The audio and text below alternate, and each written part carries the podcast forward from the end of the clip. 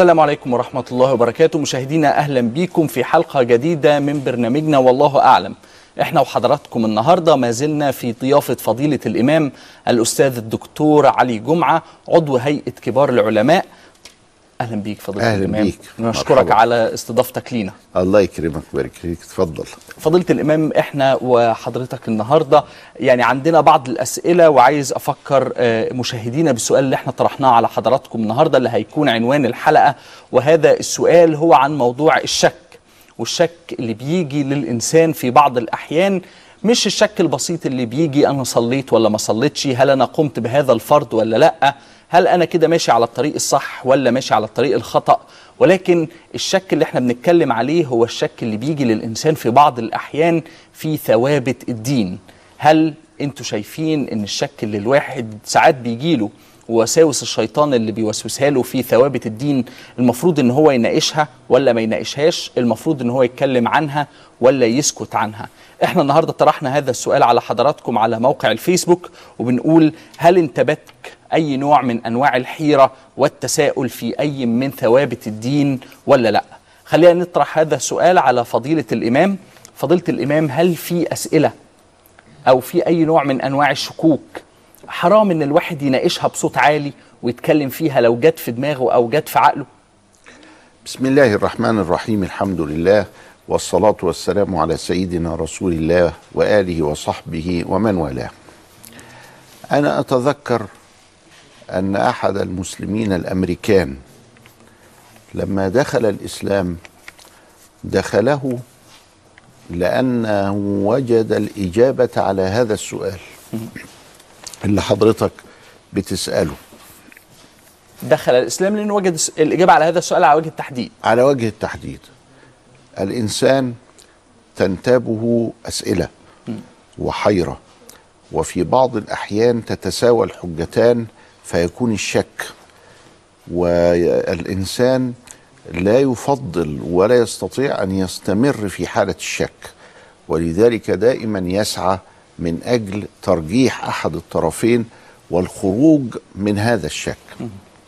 فهو وجد أن الإسلام يقول له ابحث وأقم البرهان وتبنى ما تستطيع أن تتبناه وأزل حالة الشك والحيرة وكن في قلب مطمئن بعد السؤال. فألف كتابا. ال- المسلم الأمريكي ده ألف كتابا. والكتاب ترجم إلى اللغة العربية. والكتاب اسمه لطيف. بيقول إيه؟ حتى الملائكة يسألون.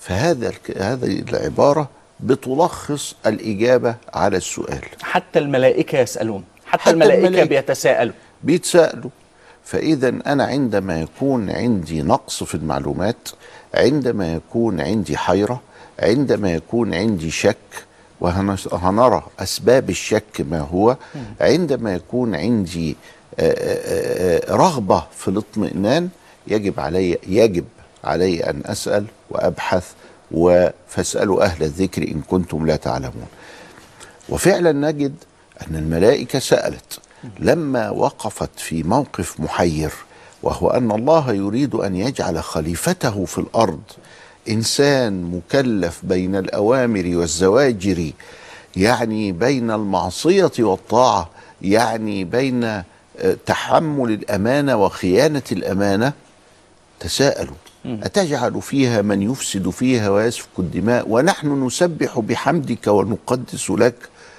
قال إني أعلم ما لا تعلمون. وعلم آدم الأسماء كلها وبدأت القصة في الإجابة العملية بنموذج ومثال يحتذى في هذا المجال. فضيلة الإمام هنكمل هذا الحديث ولكن اسمح لنا أن إحنا نخرج إلى فاصل قصير لرفع الأذان. مشاهدينا نكمل حديثنا بعد هذا الأذان.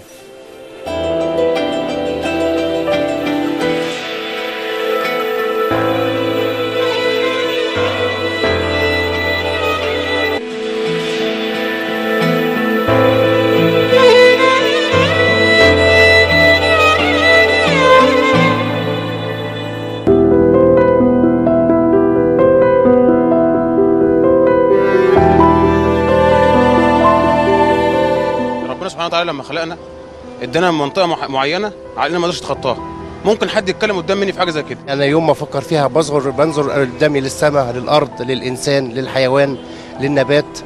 بعرف إن وجود ربنا موجود. ممكن يبقى في شك في بعض عبادات. إيه سبب نزولها؟ إيه الأسباب اللي أدت لها؟ عقيدتنا الإسلامية بتخلينا ما نشكش ولو للحظة واحدة بس في ثوابت الدين اللي هي الصوم والصلاة والحج واللي إحنا عارفينها كلها. ما فيش حاجة اسمها شك في وجود ربنا. ما فيش حاجة شك, شك في بالعكس ربنا قريب من الواحد قوي. يعني الواحد بيبقى في عز الضيقه وبيقول يا رب بيلاقي فعلا الموضوع اتحل من تلقاء نفسه. إذا شكيت في أي ثابت من هذه الثوابت أصبح بالتالي بشك في الدين الإسلامي أو بشك في الله. إحنا طول عمرنا بنتربى على إن الحاجات ديت ما فيهاش أي أدنى شك خالص يعني.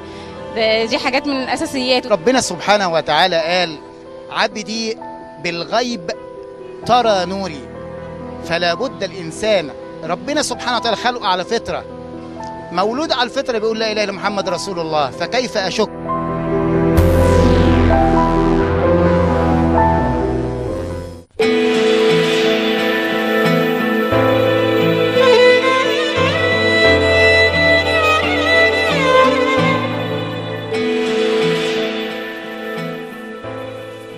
بعض الآراء إذا بتقول كيف أشك الشك في الثوابت شيء لا يعقل ولكن ما رأي فضيلة الإمام؟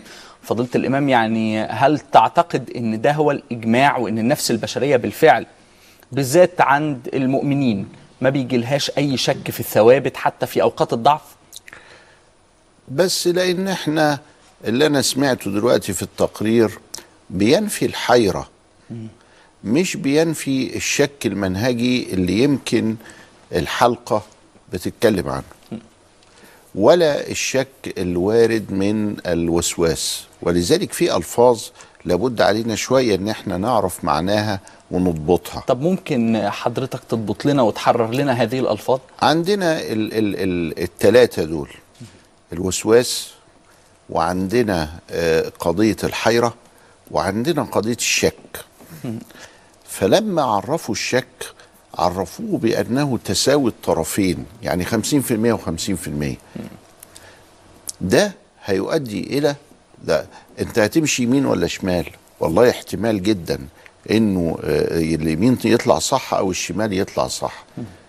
ده يبقى فيه مقامرة. لو إنك مشيت لأن في خمسين في المية هيبقى غلط. حتى ولو كان في خ- خمسين في المية صح. فالشك ده اللي هو استواء الطرفين بيولد الحيرة. أمشي فين؟ وبيولد حاجة تانية مع الحيرة إذا أنا مشيت يمين اللي هي المقامرة. أنا كده بقامر. ولكن إذا تأكدت 70% إن هو ده الطريق الصحيح ده أنا لازم أمشي فيه. عارف ليه؟ لأن لو مشيت في الشمال يبقى في خطر كبير عليا ده 30% بس. يبقى إزاي سبت الراجح وسب في وسبت 30%. في المرجوح. في المرجوح. يبقى إذا الشك استواء الطرفين. هيتولد منه حيرة. لو تجا- تجاوزت الحيرة هتؤدي إلى المقامرة. والمقامرة ربنا حرمها على فكرة. يبقى إذا ربنا أمرني بإيه؟ بإني لازم أسعى علشان أتعلم احود يمين ولا شمال. تمام. آخد الطريق ده ولا الطريق ده. وده في إجابة على ال- الحلق. لكن هو لما بيقول لك لا ثوابت الدين دي عملية واضحة جدا بالنسبة لينا. آه لأن أبوه رباه وأمه ربته وجاوبوا له على كل الأسئلة. على فكرة الأسئلة المحيرة اللي كانت عنده هم جاو- جاوبوا له عليها. فبيقول مين اللي خلقنا وأوجدنا هنا؟ أبوه وأمه ما قالولوش الإسلام بيقول الأب والأم هم اللي أوجدونا. لا الأب والأم دول كانوا أسباب في الوجود لكن الذي خلقنا هو الله. فقال لهم طب وربنا ده فين؟ أنا عايز أشوفه وقابله آدم حلو قوي كده. فقالوا له أصل ربنا ما بيتشافش لا تدركه الأبصار وهو يدرك الأبصار. فقال لهم طيب هو مين اللي خلقه؟ ربنا. قالوا لا ده ربنا كبير. ده ربنا آه، أبو الكل ده ربنا خالق ده ربنا ما حدش خلقه ده هو موجود كده على طول. الإجابات دي رسخت عنده في المفهوم إن الأمر واضح مفيش مشكلة. تمام. وما خطرش على باله مشكلة. وبعدين جه يدعي كبر ودعا. يا رب انقذني من القضية دي فأنقذه. يا رب وفقني في الحتة دي فوفقه يا رب اهديني فهداه. يا رب ساعدني فساعده. فابتدت تحدث علاقة بينه وبين الله سبحانه وتعالى. وابتدى يقول الله طب وإحنا ليه بن بنتوضى قبل الصلاة؟ فقالوا له علشان يعني تروح كده لربنا وأنت طاهر وأنت يعني كده حاجة نظيف. نظيفة كده وحلوة كويس. الله كلام معقول. قبلها. فما عندوش هو إشكال. فما عندوش حيرة. بس فضيلة الإمام مش كل الناس كده. اهو كده. يبقى اذا الناس اللي سمعناها في التقرير هي بتنفي الشك ليه؟ لأن في الحقيقة ما عندهاش حيرة. مم. يبقى آه بس ده مش معناه إنه لا وجود للشك في العالم. لا الشك موجود لكن مش موجود عند دول. مش موجود عند دول عند اللي إحنا سألناهم. لأن المسألة في منتهى البساطة إن أنا عبد وإن فيه رب وإنه سبحانه وتعالى كلمنا عن طريق الوحي والأنبياء والكتب وقال لنا اعملوا كده وما تعملوش كده. اللي هم الوصايا العشرة بتوع سيدنا موسى اللي هم اتكرروا في المسيحية وتكرروا في الإسلام إنك ما تسرقش إنك ما تزنيش إنك ما تكذبش إنك ما ت... آه. فعملنا وبعدنا. فعملنا وبعدنا وأصبح م- لما تقول لواحد يا كذاب يبقى بتشتمه. ويقول لك لا أنا مش كذاب. حتى لو كان كذاب حتى لو كان بيكذب ويقول. وأصبح هناك نظام أخلاقي. بيقول إيه النظام الأخلاقي؟ إن ده صح وإن ده غلط. جاي منين؟ من الوحي ده. أردنا أو لم نرد بعضنا آه، آه، آه، آمن بعضنا ما آمنش. لكن كل متفق على ما يسمى بالأخلاق النشطة. الأخلاق اللي فيها السلب والإيجاب. إنه ده إيجابي وده سلبي. وبالرغم من كده العقل الإنساني محتاج للإجابة على أسئلة. ولذلك بيحدث حيرة بيحدث شك بيحدث في بعض الأحيان وسواس اللي هي الكلمة الأخيرة بقى اللي بنحاول إن إحنا نخلصها. بعض المسلمين فضيلة الإمام بيجي لهم الشك والحيرة في كل شيء. هل من حقهم إن هم يشكوا ويتكلموا في كل شيء ومنها الثوابت ومن هذه الثوابت أعظم هذه الثوابت وهو التوحيد ووجود الله سبحانه وتعالى. أنا عندي أم آه، آه، لازم نفرق بين ملفين مل- دايرتين كبار. في ساعات الأسئلة جاية على القضايا على القضايا. هو ربنا موجود هو واحد هو جوه الكون ولا بره الكون؟ هو آه، آه، آه، أنا عايز طيب أنا مش متصوره وأنا لأني ما شفتوش. قضايا. هو النبي ده صحيح؟ هو القرآن ده صحيح؟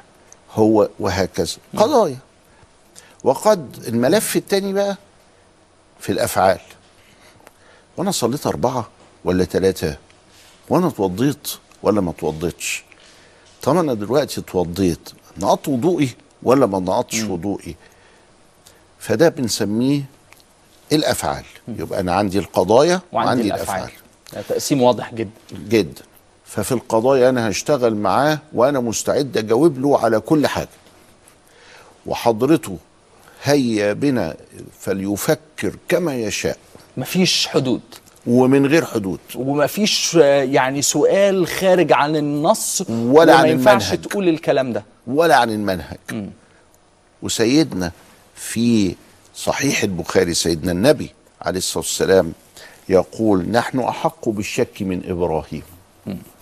ما هو اللي في سورة البقرة آه، آه، آه، فقصة جاية إنه آه، آه، عايز يشوف ربنا كيف تحيي الموتى؟ قال قال أولم تؤمن؟ قال بلى. ولكن لا يطمئن قلبي. هنا بقى هنفرق بين أمرين تانيين. شوف إزاي. فقال فيما أخرجه البخاري أنا أو إن أحق بالشك من إبراهيم. إذا كان ده شك فإحنا كمان نشك مفيش مانع. إذا كان ده منهج نتوصل بيه في النهاية إلى الحق. يبقى وإلى. اطمئنان القلب يبقى ده مطلوب مننا كمان. أخرجه البخاري عن سيدنا رسول الله صلى الله عليه وسلم. نحن أحق بالشك من إبراهيم. يبقى أنا عندي ده قضايا وعندي أفعال. باجي في الأفعال بقى. بقول له ده نوع من أنواع المرض. آه اللي هو إنك تقعد. تتوسوس كده. توسوست في الوضوء وتوسوست في الصلاة وتوسوست في المعاملات المالية وتوسوست في الطهارات وتوسوست ضد مراتك ومراتك توسوست ضدك و... ده أفعال دي مش قضايا. والوسواس في الأفعال غالبا ما يأتي من الشيطان من إلقاء الشيطان للإنسان. والوسواس في الأفعال لازم نتعالج. ولازم نتعالج وقد يصل الأمر بينا في تركنا لأنفسنا من هذا المرض إلى احتياج المعونة الطبية. حضرتك قصدك علاج طبي نروح لازم نروح للدكتور بقى. موسوسين. آه. لما بيجي يقول لي والله أنا وسوست النهارده في الصلاة وما أقول له لا اطرح الشك اتاكد آه، آه، طنش مم. آه، ما تجاوز. طنش يعني تجاوز. ولكن بيجي يقول لي ده أنا كده دي لي 20 سنة. أقول له لا ده مرض ده ده, ده بقى يبقى فيه الكيمياء بتاعه المخ فيها خلل. فده مرض ده أحد أنواع الأمراض. طب والشك اللي هنا اللي في القضايا؟ لا ده طلب علم. ده عايز يتعلم عايز يطمئن قلبه عايز يشوف عايز البرهان اللي ربنا أمرنا بيه قل هاتوا برهانكم إن كنتم صادقين. فربنا أمرنا بالبرهان. ففي ملف القضايا مفتوحة إلى أبد الآبدين. لكن في الأفعال هتعالج بقى أو أضبط نفسي أو ادرب نفسي على إني أتجاوز هذا الحال فضيلة الإمام إذا كان في الأفعال هناك شك سلبي زي ما حضرتك قلت لنا وقد يصل الأمر لدرجة أن إحنا يجب أن نطلب المعونة الطبية لو الموضوع بيستمر وبيتكرر وكده هل في ملف القضايا هناك شك سلبي؟ أيوه ما هو طبعا كل حاجة أنا مش واصل لها الحل. هتعمل لي أثر سلبي. بس هتعمل أثر سلبي يعني هيترتب عليها أثر سلبي. ولذلك ما اناش عايز أسيب حاجة.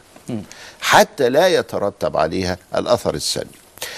الخريطة اللي إحنا عايزين نرسمها في الموضوع ده وهي مهمة. أنا فرقت بين القضايا والأفعال. والأفعال. أنا عايز أفرق أيضا ما بين الاستحضار وما بين الحيرة. استحضار يعني إيه؟ يعني أنا راجل مدرس أو داعية أو عالم أو مفكر أو مثقف. وبعدين بستحضر في ذهني طب افرض إن هم قالوا لي كذا. أقول لهم إيه؟ أرد عليهم أقول لهم إيه؟ يا ترى معنى العبارة دي إيه؟ يا ترى ما يترتب على هذا الفعل أو هذا الحكم أو هذا المعتقد إيه؟ فده استحضار وده ما فيش حاجة ولا حتى يقال عنه شك. ده عبارة عن طريقة منهجية لتفتيح الأمور. تفتيح الأمور دي هي سر العلم. سر العلم إزاي؟ السؤال الداخلي أو الحوار الداخلي اللي بيحصل عند ده الشخص. سر العلم. آه. يعني يقول الإمام الغزالي حجة الإسلام في كتاب له لم يطبع بعد اسمه حقيقة القولين. إن كلما كان الإنسان عنده تصور مبدع لتوليد الأسئلة دي اللي هو الاستحضار كلما كان أعلى مرتبة في الاجتهاد. يعني ليه الشافعي أعلى مني؟ يعني في إيه الشافعي مخه وطريقته إنه ده الإمام المجتهد العظيم اللي بهر العالم ده وأبهر الدنيا. إيه ال- ال- الفرق بينه وبيني أنا؟ الفرق بينه إنه عنده قوة تخيل في توليد المسائل والأسئلة مئات الأضعاف عني أنا. ولذلك أنا لما قريته انبهرت. واقول إيه؟ أنا علي جمعة الشافعي. يعني بحب الراجل ده. طريقة تفكيره طريقة سؤاله هو أبهر العالم بإيه؟ بقوة التصور. تمام. فقوة التصور دي اللي هي الاستحضار اللي هي الأسئلة هي حقيقة العلم وهي آه، آه، آه، أصل العلم. اللي حصل إيه بقى؟ مرة كان واحد أمريكان بياخد دكتوراه في الرياضيات العليا. فبقول له هو يعني العلم مش هينتهي يعني ما العلم معلومات نعرفها وخلاص. قال لي إحنا في الجامعة بيجلس أهل القسم وال- والعلماء وكده علشان يولدوا مجموعة من الأسئلة. ففي أسئلة علشان نجاوب على السؤال ده بنجد أنفسنا مطالبين بالإجابة على 40 سؤال. مم. كل سؤال عليه محتاج 40 40 سؤال. سؤال. فبندخل في السؤال الأول وبنرقمهم من واحد لأربعين. نقول دي ياخدها فلان في الدكتوراه ودي فلان علان في الدكتوراه ودي كده نوزع ال 40 سؤال على 40 طالب للإجابة. السؤال الأولاني علشان أجاوب عليه لازم أجاوب على 40 سؤال. تانيين تانيين مستوى تاني. السؤال الأول من 40 التانية اللي إحنا بقى 40 في 40 ب 1600 سؤال دلوقتي عندنا محتارين. عايز 40 سؤال وهكذا دواليك لا تنتهي. واخد بالك إزاي؟ يبقى علم الإنسان ده ضعيف قوي. طبعا. وإذا كله ده أسئلة عايزة إجابة البحث بس ده مش شك ده استحضار. ده نوع من أنواع الاستحضار. اذا إحنا بنميز ما بين الاستحضار والحيرة. وال- والحيرة. آه. نعم. وإحنا هنجاوب على الاثنين ما دامت في ملف الموضوع مش في ملف في ملف الأفعال. الأفعال. الأفعال هنوديه للدكتور على طول. على طول. آه. طيب. إحنا هنكمل هذا الحوار ولكن إذن لنا فضيلة الإمام إن إحنا هنخرج إلى فاصل قصير. بفكر حضراتكم بالسؤال اللي موجود على موقع الفيسبوك على الصفحة الخاصة ببرنامج والله أعلم. إحنا بنسأل حضراتكم النهارده إذا كانت راودتكم أي نوع من أنواع الحيرة أو الشك في أي أصل من أصول الدين. خشوا على الصفحة وجابوا على السؤال وهنقرأ هذه الإجابات في نهاية الحلقة. نخرج إلى فاصل. ثم نعود لمواصلة هذه الحلقة. خليكم معنا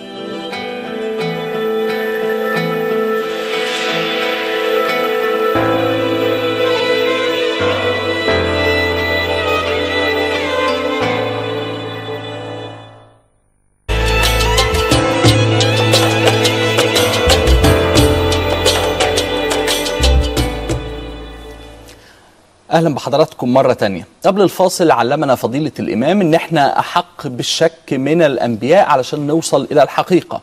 طيب ماذا عن الإنسان اللي أصابه بالفعل الشك في عدد من ثوابت الدين؟ هل يتكلم ويفصح بهذا الشك لمن حوله أم يصمت ويعني يكتفي بسؤال نفسه ويتوجه لرجال الدين وحدهم بهذا الشك؟ كيف يتعامل الإنسان مع الشك إذا كان هذا الشك في مواضيع وفي قضايا هامة. خلينا نتوجه بأسئلتنا إلى فضيلة الإمام العلامة الأستاذ الدكتور علي جمعة. فضيلة الإمام يتصرف إزاي الإنسان إذا أصابه الشك؟ إنما المؤمنون إخوة.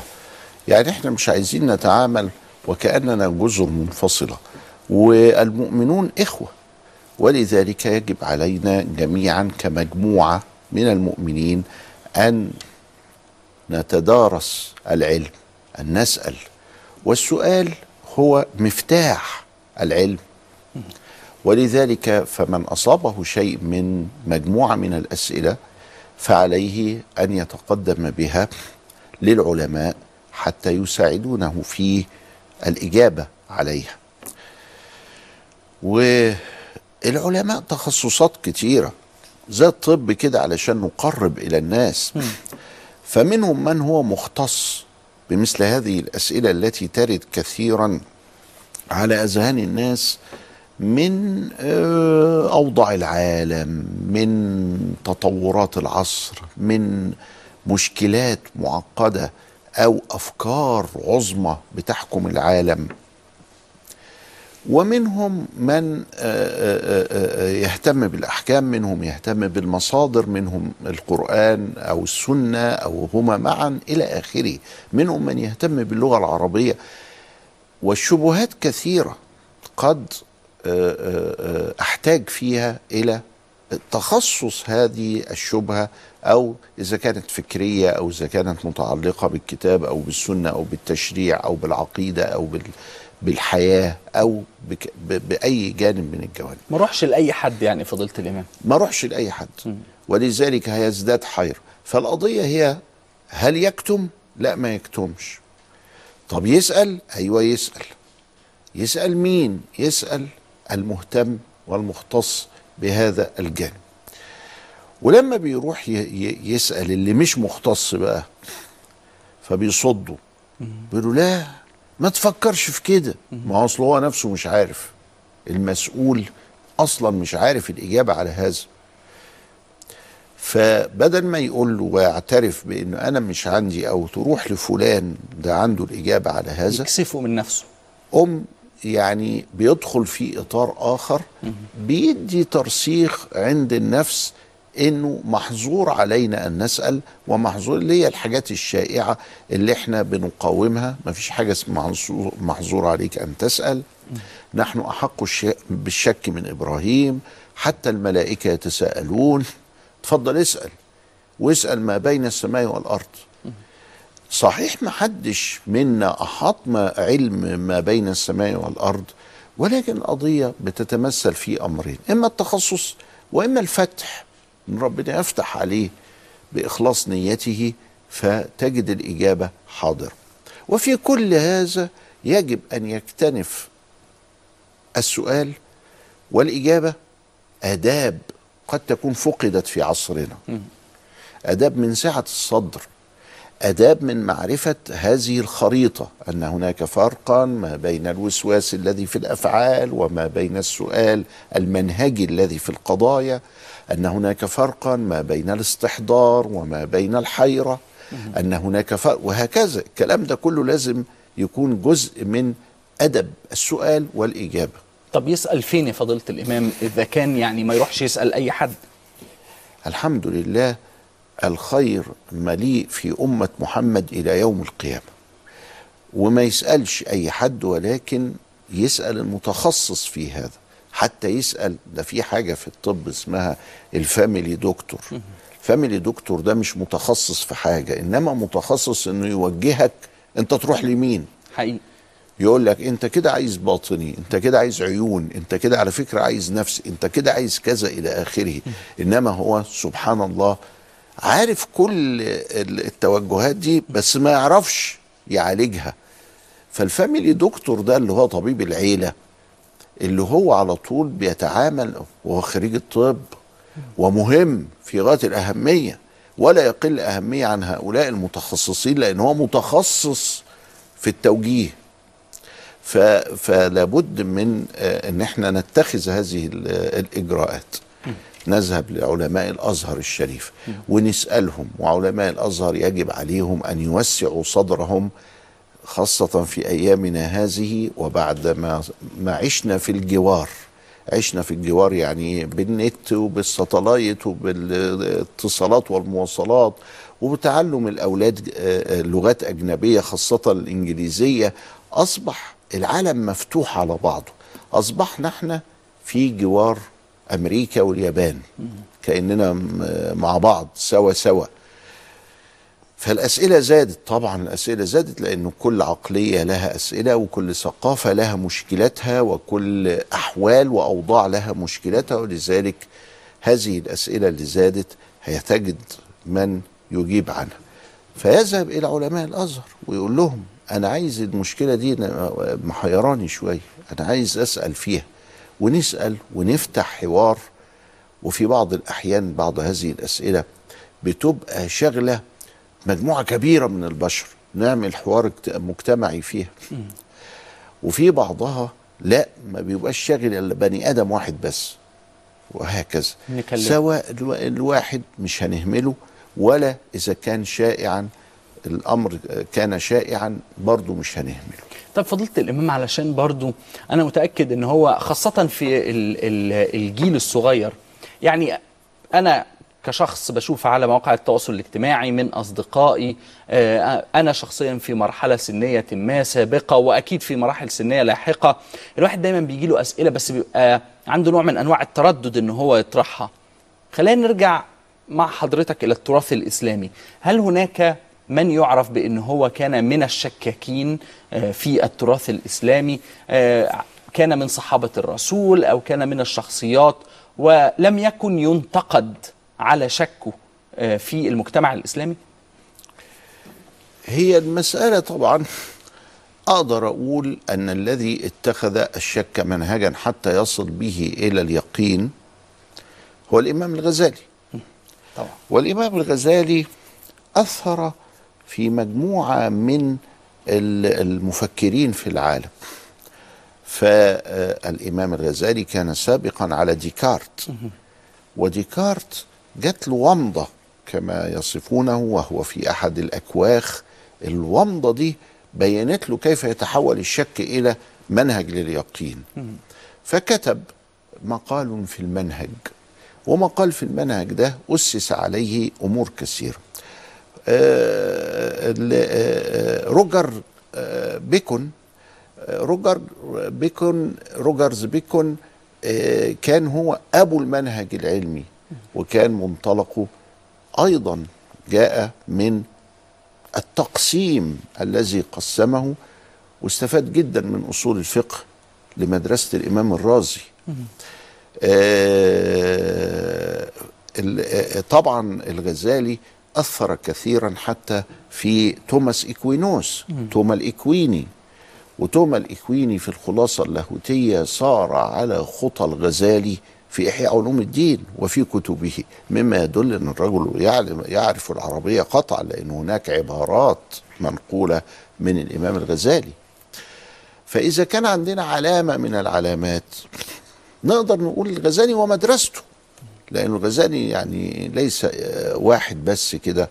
لا ده الغزالي له أستاذه الجويني وله تلامذته الكثر الذين أسسوا للفكر السني في في, في هذه القضية. عندنا واحد تاني آه، وهو ملا صدرة.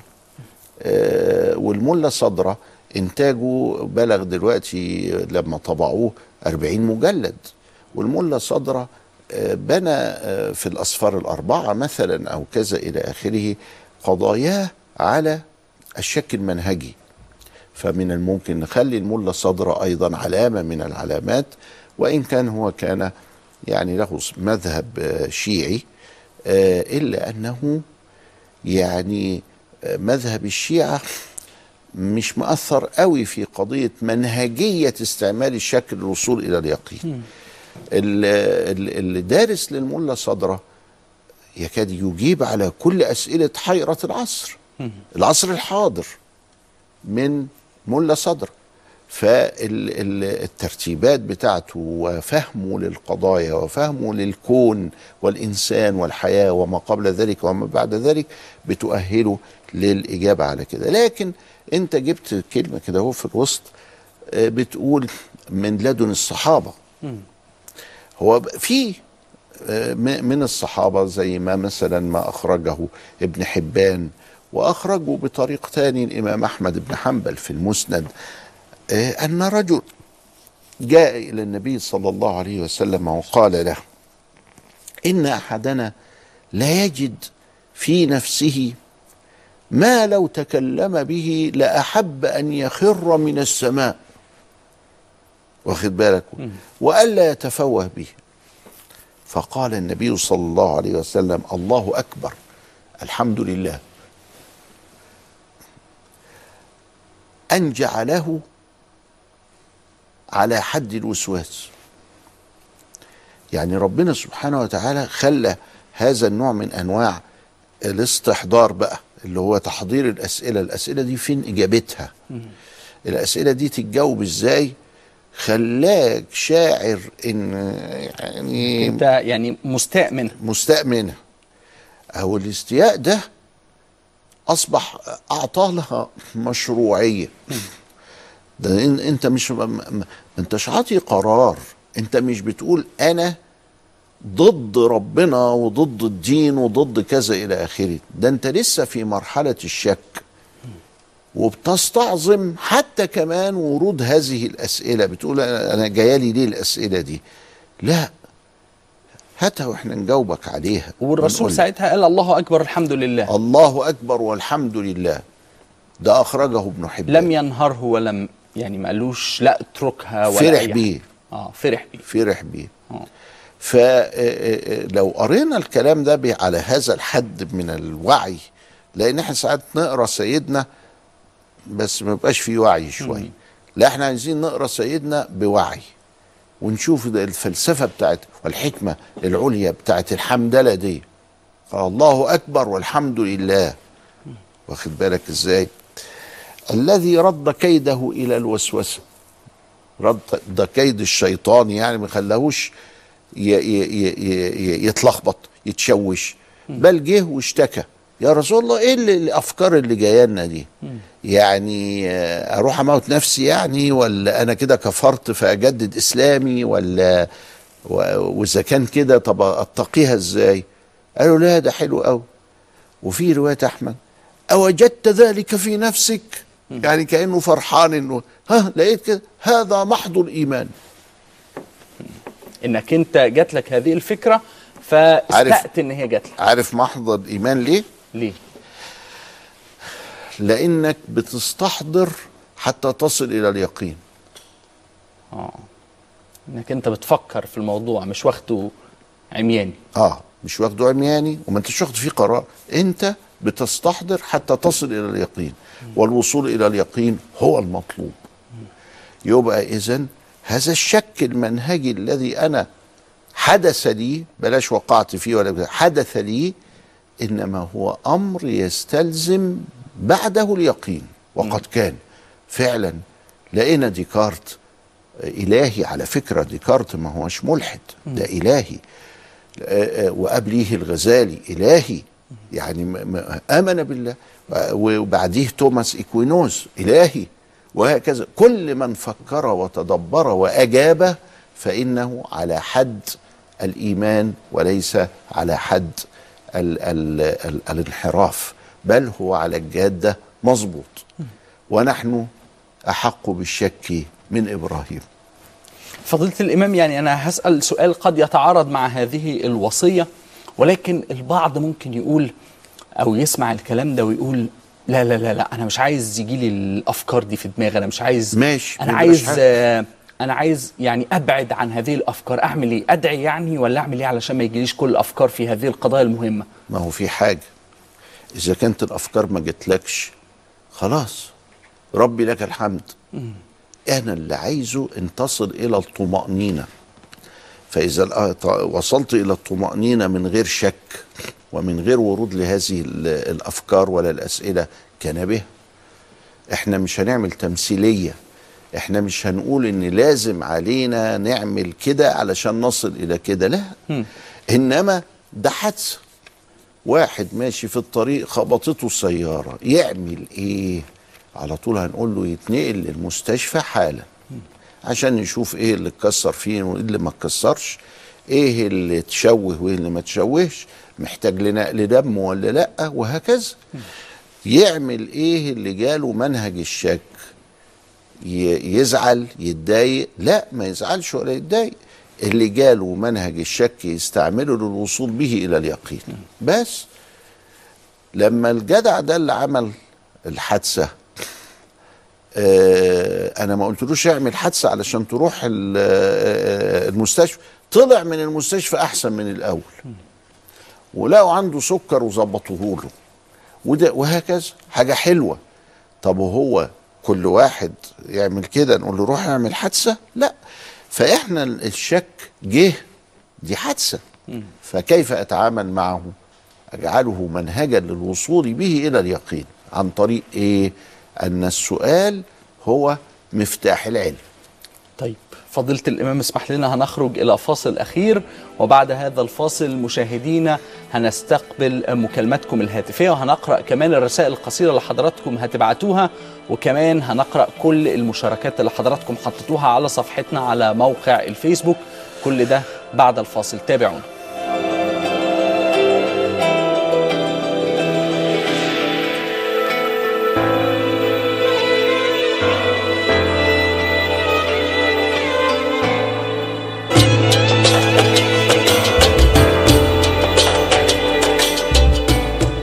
أهلا بحضراتكم مرة تانية يعني على مدار الساعة اللي فاتت اتكلمنا عن موضوع مهم موضوع حيوي وهو موضوع بعض الشك بعض القلق وبعض الوساوس التي تصيبنا كلنا في بعض من ثوابت الدين. وطبعا فضيلة الإمام الأستاذ الدكتور علي جمعة أجاب عن آه، كثير من التساؤلات اللي بتدور في أذهاننا. آه، جالنا تساؤلات على آه، صفحة البرنامج الخاصة على موقع الفيسبوك. اسمحوا لي أن أنا أقرأ عدد من هذه التساؤلات. اسمح لي فضيلة الإمام اتفضل إن حضر حضرتك يعني تجيب لنا عن بعض من هذه الأسئلة. مشاهدينا إحنا النهارده طرحنا على حضراتكم السؤال وهو هل انتابتك نوع من الحيرة والسؤال في أي من ثوابت الدين؟ آه، والإجابات اللي جات لنا أو المشاركات اللي جات لنا على صفحة الفيسبوك كانت كالآتي. آه، أول مشاركة باسم إيمي أرت قالت بصراحة آه وخاصة في موضوع الحجاب. آه، مشاركة تانية آه، تحت اسم ورد المسا آه، ليس بثوابت الدين ولكن في بناء الكعبة المشرفة. لماذا بيت الله مصنوع من حجر وليس من الجواهر الثمينة؟ هذا خاطر راودني أثناء رؤيتي للكعبة. الأستاذ مجدي الشربتلي الشربتلي بيقول في موضوع المسير والمخير بكل جوانبه. الأستاذة رشا العشري بتقول الحقيقة يا مولانا والحديث لحضرتك بعد ما عرفنا أحاديث كثيرة كانت منتشرة ومشهورة وعرفنا أن هي غير صحيحة لم نعد متأكدين من الصواب والخطأ والقرآن الكريم لم يذكر كل شيء وتكمله السنة فمن أين لنا أن نتأكد؟ الأستاذ محمد عبد العليم بيقول قد قد تكون قضية مختلفة ولكن في الطفولة عندما كانت تعرض صور الجهاد في الإسلام في المناهج كانت مختصرة لدرجة التشويه من ناحية الهجوم المسلح والجزية. حتى شرحها لنا الشيخ الشعراوي آه، ثم شرحها فضيلة الدكتور علي جمعة لهذا الجيل. نتمنى أن تعاد الصياغة في كتب الدين. الأستاذ أحمد رجب بيقول لا أنكر ورود بعض من تلك الأسئلة على عقلي لكنها كغيرها من الأسئلة. أعتبرها دليل على استمرار نشاطي العقلي وبالتالي دليل على وجودي بالكون وتواجدي بين البشر. آه، مشاركة تحت عنوان لودي دودي بتقول, بتقول كثيرة هذه الأسئلة. لما الواحد آه، كان صغير وما كناش بنلاقي رد لأسئلتنا. آه، فدي بعض من الأسئلة اللي جت على آه، موقع الفيسبوك. هناك أيضا سؤال له علاقة بالحلقة. جالنا عن ال SMS بيقول هل السؤال عن الموت حرام؟ لو أن سبب الموت لم يكن موجودا وقد علمنا ديننا إن إننا نأخذ بالأسباب. دي عدد من المشاركات فضيلة الإمام اللي ليها علاقة بالحلقة آه، وكنت أتمنى من حضرتك التعليق عليها. إذا نحن نحتاج إلى سبع حلقات. سبع حلقات حلقة بس. سبع حلقات و... و... وربنا يعين إن شاء الله. آه، فهنا آه، بتسأل عن ال- الحجاب. قضية الحجاب هي مبنية على وجهة نظر آه،.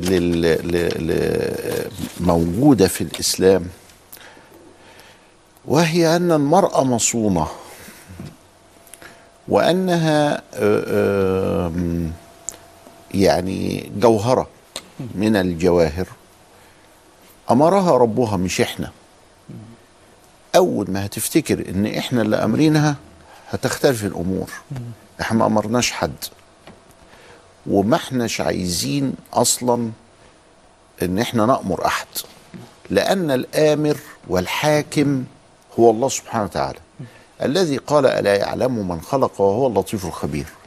فالله سبحانه وتعالى هو الذي فرض على الرجل أن يستر ما بين سرته وركبته وعلى المرأة أن تستر بدنها إلا الوجه والكفين. دي نمرة واحد. نمرة اتنين فبنسأل فلما فعل هذا؟ فعل هذا لأن المرأة بإرادتها الحرة هي التي تختار آه، آه، آه، زوجها فيما ينظر إليه. فتكشف بقى عن شعرها وتريه جمالها وكذا إلى آخره بس بإذنها هي. دي فلسفة المسلمين. بيجي واحد تاني بتقول لي طب أنا عايز أكشف كل جسمي لكل الناس. خلاص أنت كده بس في أمر إلهي أنت ما بتعمليهوش. يعني أنا منش منش ليا سلطان عليكي. هي القضية كلها أن الله سبحانه وتعالى أرشدك إلى الأفضل. وبتقول لي هل أنا لما أكشف رأسي ولا أكشف كذا إلى آخره؟ كفرت. لا ما كفرتيش. لكن ده حكم من أحكام الدين. ودي معصية إنك تعملي كده. واللي بيرتكب معصية ما بيكفرش. لكن اللي بيرتكب معصية بيرتكب ما يؤدي في يوم القيامة إلى الآثام. وربنا قاعد يشرح لنا إن في يوم آخر وإن في حساب وإن في ثواب وإن في عفو ورحمة وإن في عقاب وإن في عقاب مؤقت وإن في عقاب دائم وإن في ثواب دائم وهكذا. فربنا سبحانه وتعالى مفصل لنا هذه الكيفية وكيف تكون. المسألة دي كلها مع بعضها.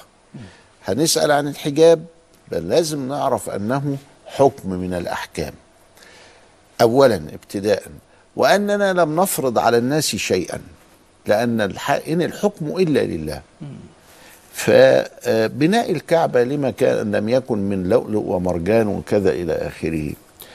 الكعبة قداستها مش في قيمة الأحجار ولا قيمة اللؤلؤ والمرجان والذهب والفضة. الكعبة القداسة بتاعتها روحية أنها محل نظر الله. ومحل نظر الله مش ضروري يبقى اللؤلؤ والمرجان والماس وكذا إلى آخره. وفي حاجة تانية حكمة تانية غريبة شوية وهي عدم كسر خاطر الفقراء. وربنا قال أنا عند المنكسرة قلوبهم. فيا إخوانا لما هنبني الكعبة دي على فكرة إحنا ممكن نبنيها إحنا معانا فلوس نبنيها باللؤلؤ والمرجان والذهب. ده وذهب وفضة ولؤلؤ ومرجان وماس ولازوار لازورد وكل حاجة. لكن بعد ما هنبنيها البناية دي يعني ليه كده نكسر خاطر ثم إن القداسة بتاعتها جاية من ثمنها بقى؟ لا. دي القداسه بتاعتها روحية جاية من أنها محل نظر الله اليها تمام. ولذلك لما أبرهة جه وبنى الكعبة بتاعته بناها كده. بناها من من, من ياقوت من ومرجان ياقوت وغيره. ومرجان وبتاع مش عارف إيه.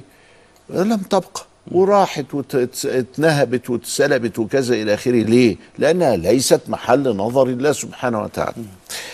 ال- قضية المسير والمخير نعمل لها حلقة. حاضر. علشان. الله سبحانه وتعالى الحقيقة إنه سابنا مخيرين فيما هو نحن مخيرين فيه. عامل زي النملة لما نحطها على الكورة. ونقول لها سيري كيف ما شئت. هي هتسير كيف ما شاءت. يمين شمال فوق تحت لكنها على الكورة. كوننا إن إحنا على الكورة الله سبحانه وتعالى ما بيحاسبناش عليها. فمش هيقول لي انت تو- اتولدت ليه في السنة دي؟ انت عشت قد إيه وليه؟ انت ليه كان أبوك وامك هم دول؟ انت ليه آه، آه، رزقت في الوقت الف... ما حدش هيسألني عن كده. إنما هيسألني انت صليت ولا لأ؟ عملت الخير ولا لأ؟ أذيت الناس ولا لأ؟ هيسألني عن كده. الحاجات الاختيارية. أنا كده شايف بدون أي فلسفة إن حد بيرغمني على الصلاة أو بيرغمني على عدم الصلاة ما حدش بيرغمني لا على ده ولا على ده. يبقى مخير. كون ان الله خالق بقى ما هو خالق على فكرة. إيه حقيقة كده. إيه إيه التعارض في كده؟ إنه خلقني وتركني مع اختياري. لكن هو الخالق هو الخالق للدنيا وهو الخالق للكورة وهو الخالق للنملة وهو الخالق للأوامر وكل حاجة. ولكن سابني بقى باختياري إما أعصيه وإما أتبعه. التأكد من السنة.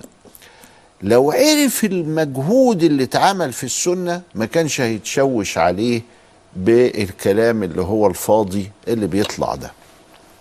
أنا شايف برنامج في إحدى الفضائيات آه بيهجم على السنة كل كلامه غلط.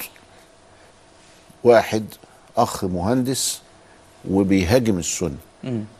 لكن هو فاكر روحه صح لأنه مش عارف لغة مش عارف تفسير مش ويقعد بقى يقمش ياخد من هنا ومن هنا ومن هنا علشان يقول إن ال ال البخاري غلط والمسلم غلط وده غلط وده غلط. لا مفيش حديث في هذه الكتب الصحيحة ومفيش حديث بصحة معينة بل والضعيف أيضا بنأخذ به في مكانه بطريقة بقى علمية معقدة شوية. فحضرته راح هادم كله ده وقال لك خد الأعشاب دي وبطل الأنسولين. بالظبط زي ما بنتكلم على البخاري ومسلم. على كل حديث صحيح. على كل حديث صحيح. آه صحيح. كل حديث صحيح. وبعدين إيه اللي بينعوه على الأحاديث الصحيحة؟ أقعد أتفرج يا أستاذ. مفيش ولا كلمة صح.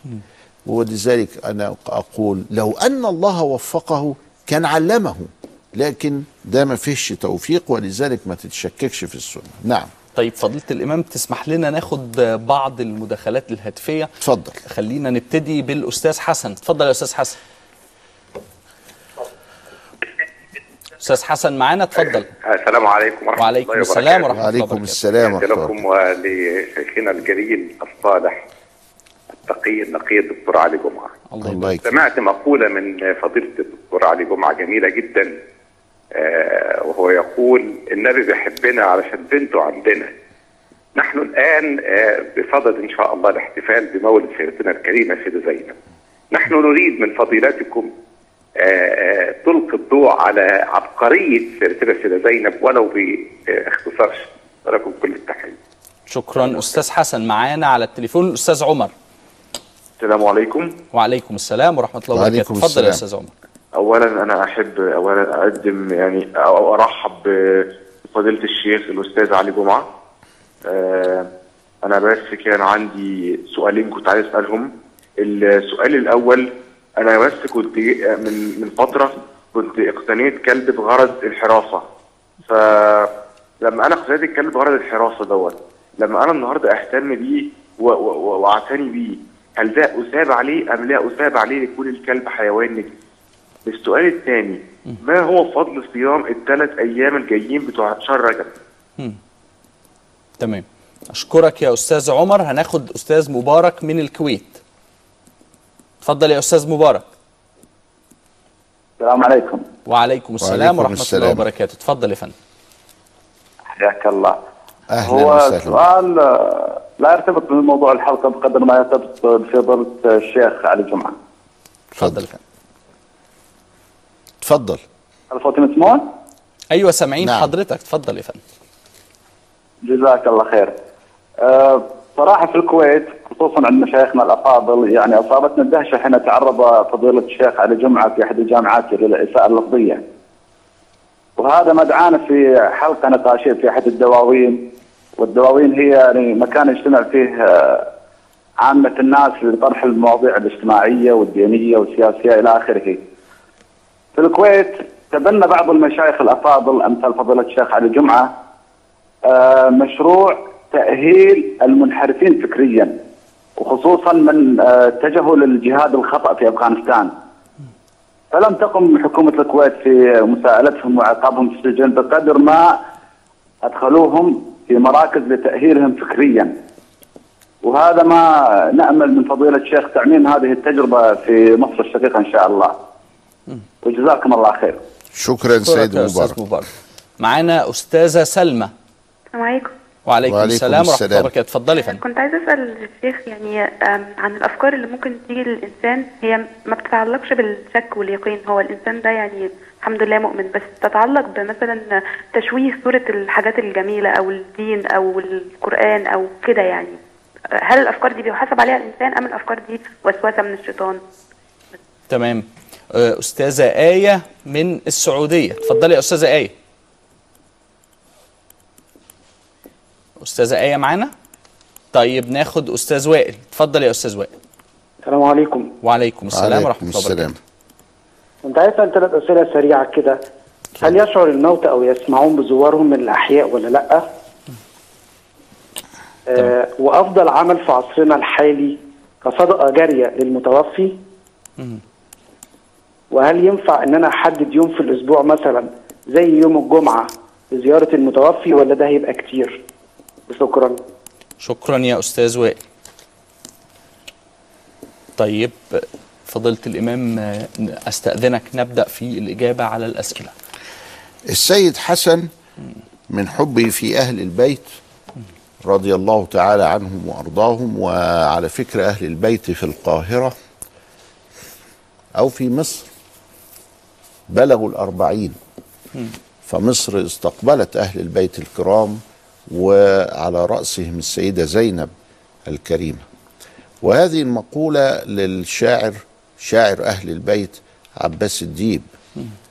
آه، أصل النبي بيحبنا اك- اكمن بنته عندنا.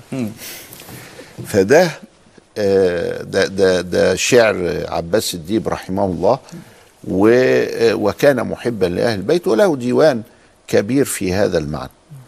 ال- السيدة زينب كانت آه، آه، من أهل البيت فكانت وهي أخت الحسن والحسين عليهم السلام فكانت شجاعة. ولما حدثت مأساة كربلاء وقتل الحسين وأبناؤه ظلما ونجا منهم السيدة زينب ونجا منهم علي زين العابدين ابن الحسين وهو منه النسل الشريف إلى اليوم حملوا إلى آه، يزيد.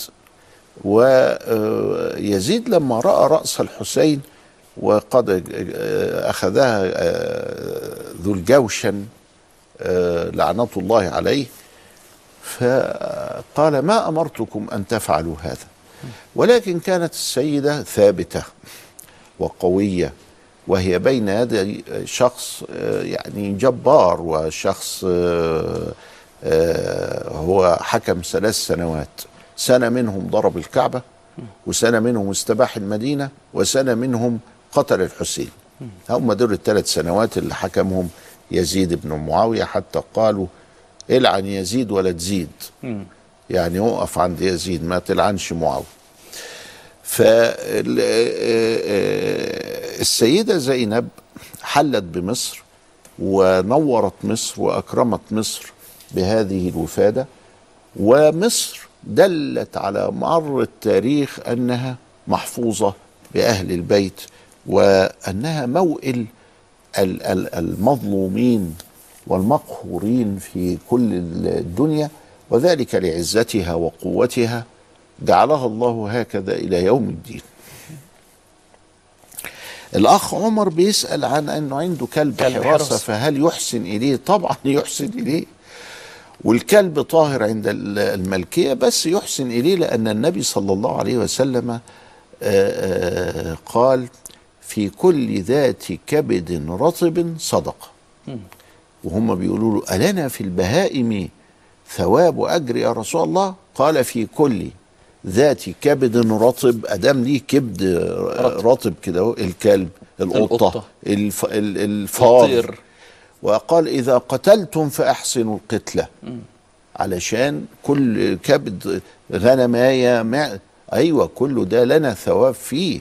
واخد بالك إزاي؟ ومن ضمن ثواب ال- ال- ال- الحبوب وكذا أن تأكل منها الطير وأن يأكل منها الحيوان. وكان سيدي علي الخواص بلغ درجة الولاية لأنه كان يهتم بكلاب السكك. الكلب الضال ده اللي بتاع فكان ينظف لهم مسائي الكلاب. وكان المسلمون من رحمتهم بالكلاب يعملوا مسائي. هذه المسائي كنا نراها عند منطقة اسمها بيت القاضي ورا سيدنا الحسين ورا خان الخليلي. فبيت القاضي دي كان فيها مسا الكلاب شاهدناها قبل إزالتها أو قبل ضياعها أو كده. آه، فضل صيام الثلاثة البيض هم سمهم طبعا الثلاثة البيض اللي هم 13 يبدأوا بوتر 14 15 عشان القمر بيبقى منور لأنه بيبقى في حالة التمام. يقول لك ده عامل زي قمر 14 يعني كامل يعني. ف 13 و14 و15 سميت بليالي البيض. والنبي عليه السلام يعني جعل هناك فضل ل آه، ل- لصيام. لصيامها طيب فضيلة الإمام اخد مداخلة تليفونية برضو من أستاذ محمد من الكويت. اتفضل يا أستاذ محمد. السلام عليكم. وعليكم وعليكم السلام ورحمة الله السلام وبركاته. ورحمة الله اتفضل يا فندم. انقطع الاتصال معنا أستاذ عبد الرحمن. اتفضل يا أستاذ عبد الرحمن. السلام عليكم. وعليكم السلام. ورحمة الله وبركاته. والله أنا كنت بسأل فضيلة الشيخ علي جمعة اتفضل. أنا حضرتك تقريبا أحمد بقالي فترة من آه، أنا مهندس يعني وكبير في السن عندي حوالي 60 سنة.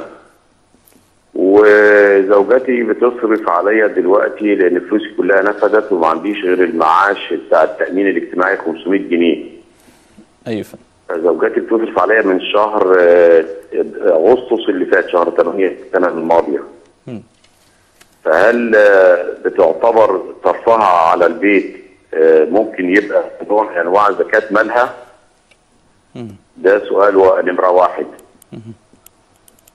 تمام يا فندم في سؤال تاني يا أستاذ عبد الرحمن آه كنت آه، أحب أكلم فضيلة الشيخ في موضوع شخصي لو أمكن أخد رقمه أو حد يكلمني من طرفه. طيب أستأذن حضرتك الزملاء في الكنترول ياخدوا رقم سيادتك ويقدروا يتواصلوا مع حضرتك بعد الحلقة. معانا أستاذ إبراهيم على التليفون. اتفضل يا أستاذ إبراهيم. أستاذ إبراهيم معانا؟ ألو؟ اتفضل يا أستاذ إبراهيم سامعين السلام. عليكم. وعليكم السلام وسلام على الدكتور العظيم. أهلا وسهلا بكم. وعلى أحسن من أفتى في العصر الحديث. الله يخليك يا أستاذ إبراهيم. اتفضل سؤال سيادتك. زميل له في كلية التجارة؟ أهلا وسهلا بك يا أستاذ أهلا إبراهيم. بيك يا أستاذ إبراهيم. اتفضل سؤال حضرتك. أيوه. سؤال حضرتك يا أستاذ إبراهيم. قاعد في لندن. أنا قاعد في لندن أنا جاي زيارة هنا. عندي سك عندي سكر عندي سكر بقاله 40 سنة. بيجي لي سلس بولي فما بقدرش اتوضا لإني يمكن أغير خمس مرات لثمان مرات. فماذا أفعل حتى أتوضأ وأصلي؟ تمام يا فندم. وصل السؤال. بعد كده معانا أستاذ هشام. اتفضل يا أستاذ هشام. ألو السلام عليكم. وعليكم, وعليكم السلام ورحمة. الله وبركاته. آه والله أنا أسعد الله مساكم وبمسي على فضيلة الشيخ علي جمعة. أهلا وسهلا. عندي سؤال من فضلك عن الزكاة. اتفضل.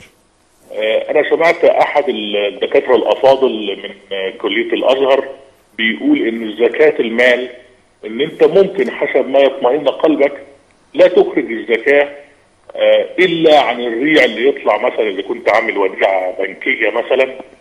فإذا تخرج الزكاة بس عن الوديعة اللي تطلع لك من الفلوس دي أو ما تطلعش الزكاه أو ما تطلعش الزكاه خالص أو تطلع زكاه عن كامل المبلغ بالكامل مهما كنت وادعو لأي سبب إن أنت بت يعني حاطط الوديعة دي لسبب أشتري بيت أشتري سيارة أشتري أعمل مشروع أي حاجة.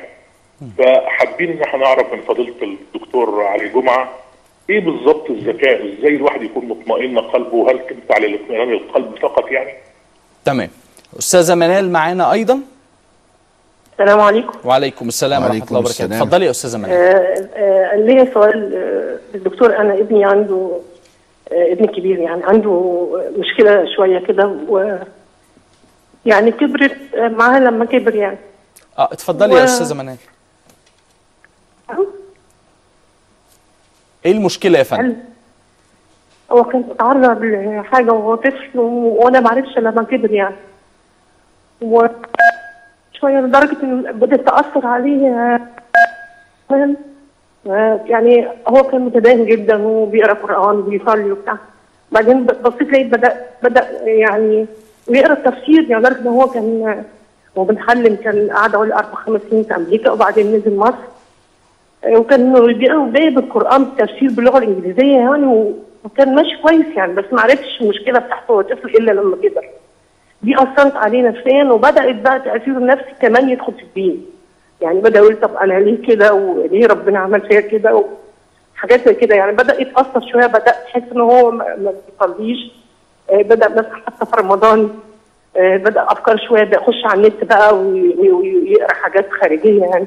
يعني حضرتك شايفة إن مشكلته القديمة آه، يعني أثرت عليه دلوقتي وخلته يبعد عن العبادات اللي هو كان مواظب عليها وغيره؟ بالظبط بدا يشك بقى في كل حاجة. يعني بدأ يشك في حاسس- كل حاجة.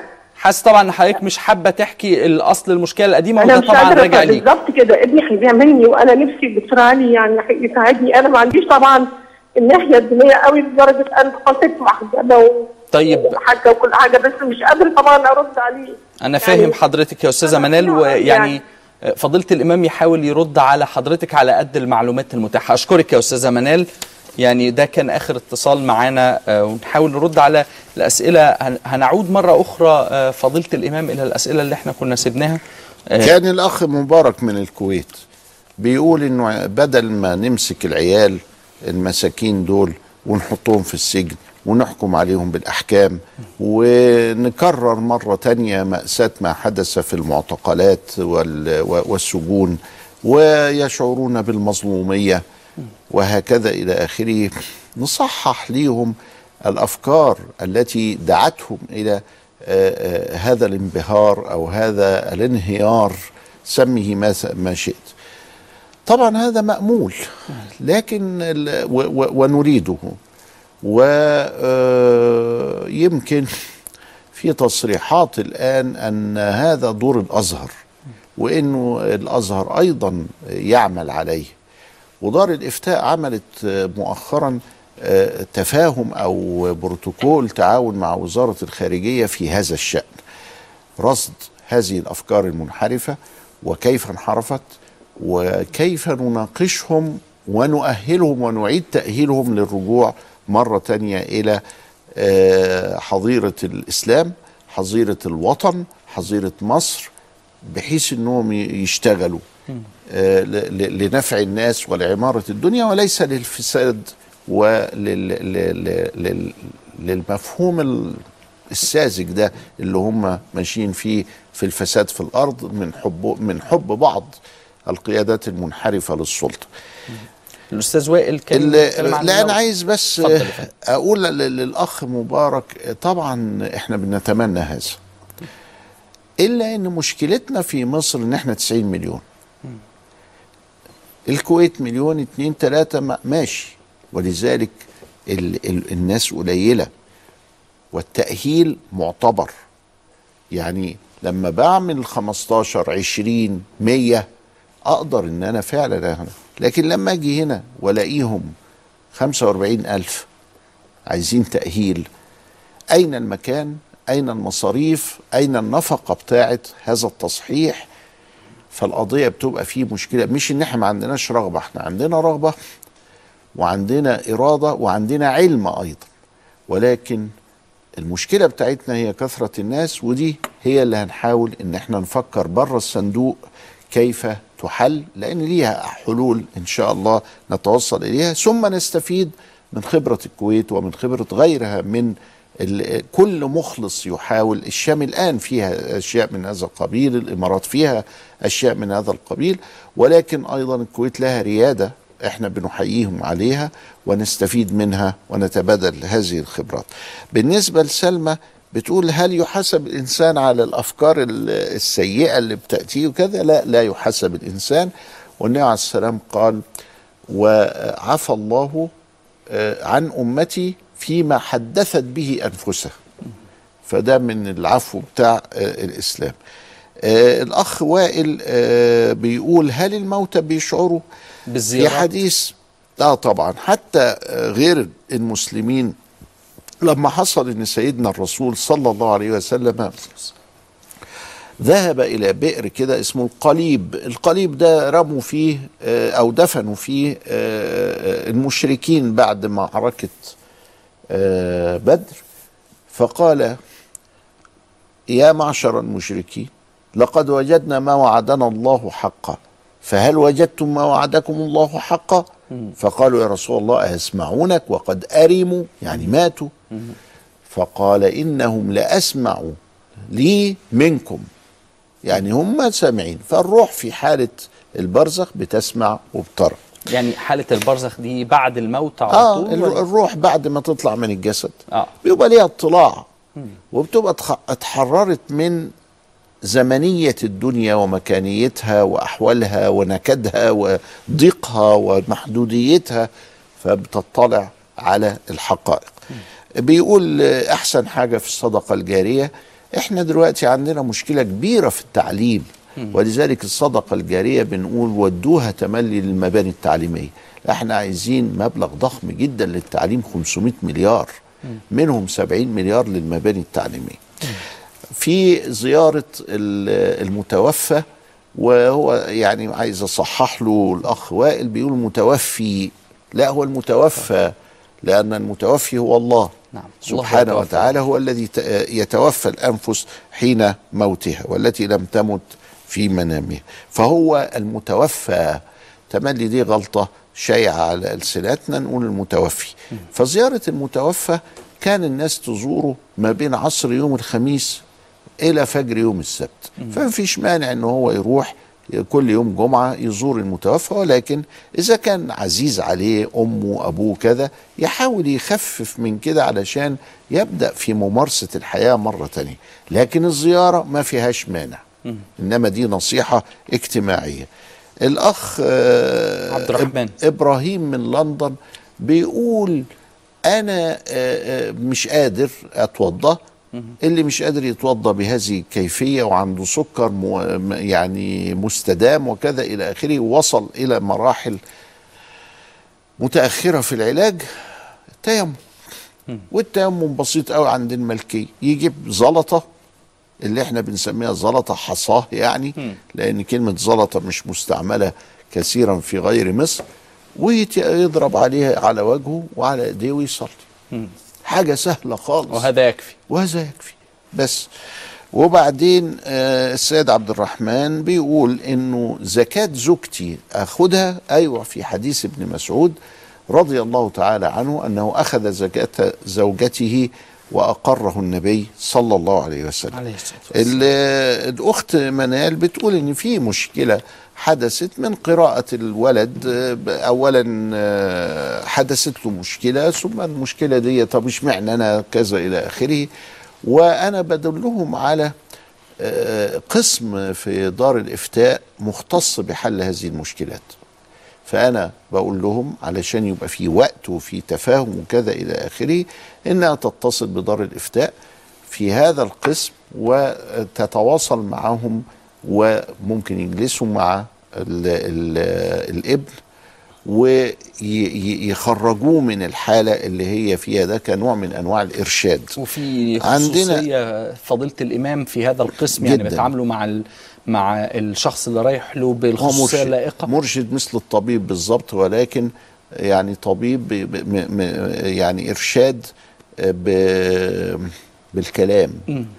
وده بيبقى في مراحل مفيد جدا طبعا إنه يرشده يقول له يعلمه يناقشه كذا إلى آخره بتبقى فيه سرية وبتبقى فيه خصوصية وبيبقى فيه رحمة وكل ال- الحاجات هي ماشية على هذا الأساس. الأخ آه، هشام بيسأل عن آه، زكاة المحبس من المال في صورة ودائع وشهادات وكذا إلى آخره. المحبس من المال قلنا مرارا وتكرارا وهنعيد إنه ده شبه بالأرض فيطلع 10% من العائد. إذا حب يطلع العائد يطلع 10% من العائد. بمعنى أنا حابس 100000 جنيه بيجيبوا لي في السنة 10000 جنيه هطلع 10% من ال 10 10000 جنيه اللي هم 1000 لو طلعت اتنين ونص على المئة ألف هطلع ألفين ونص. فشوف إزاي الفرق.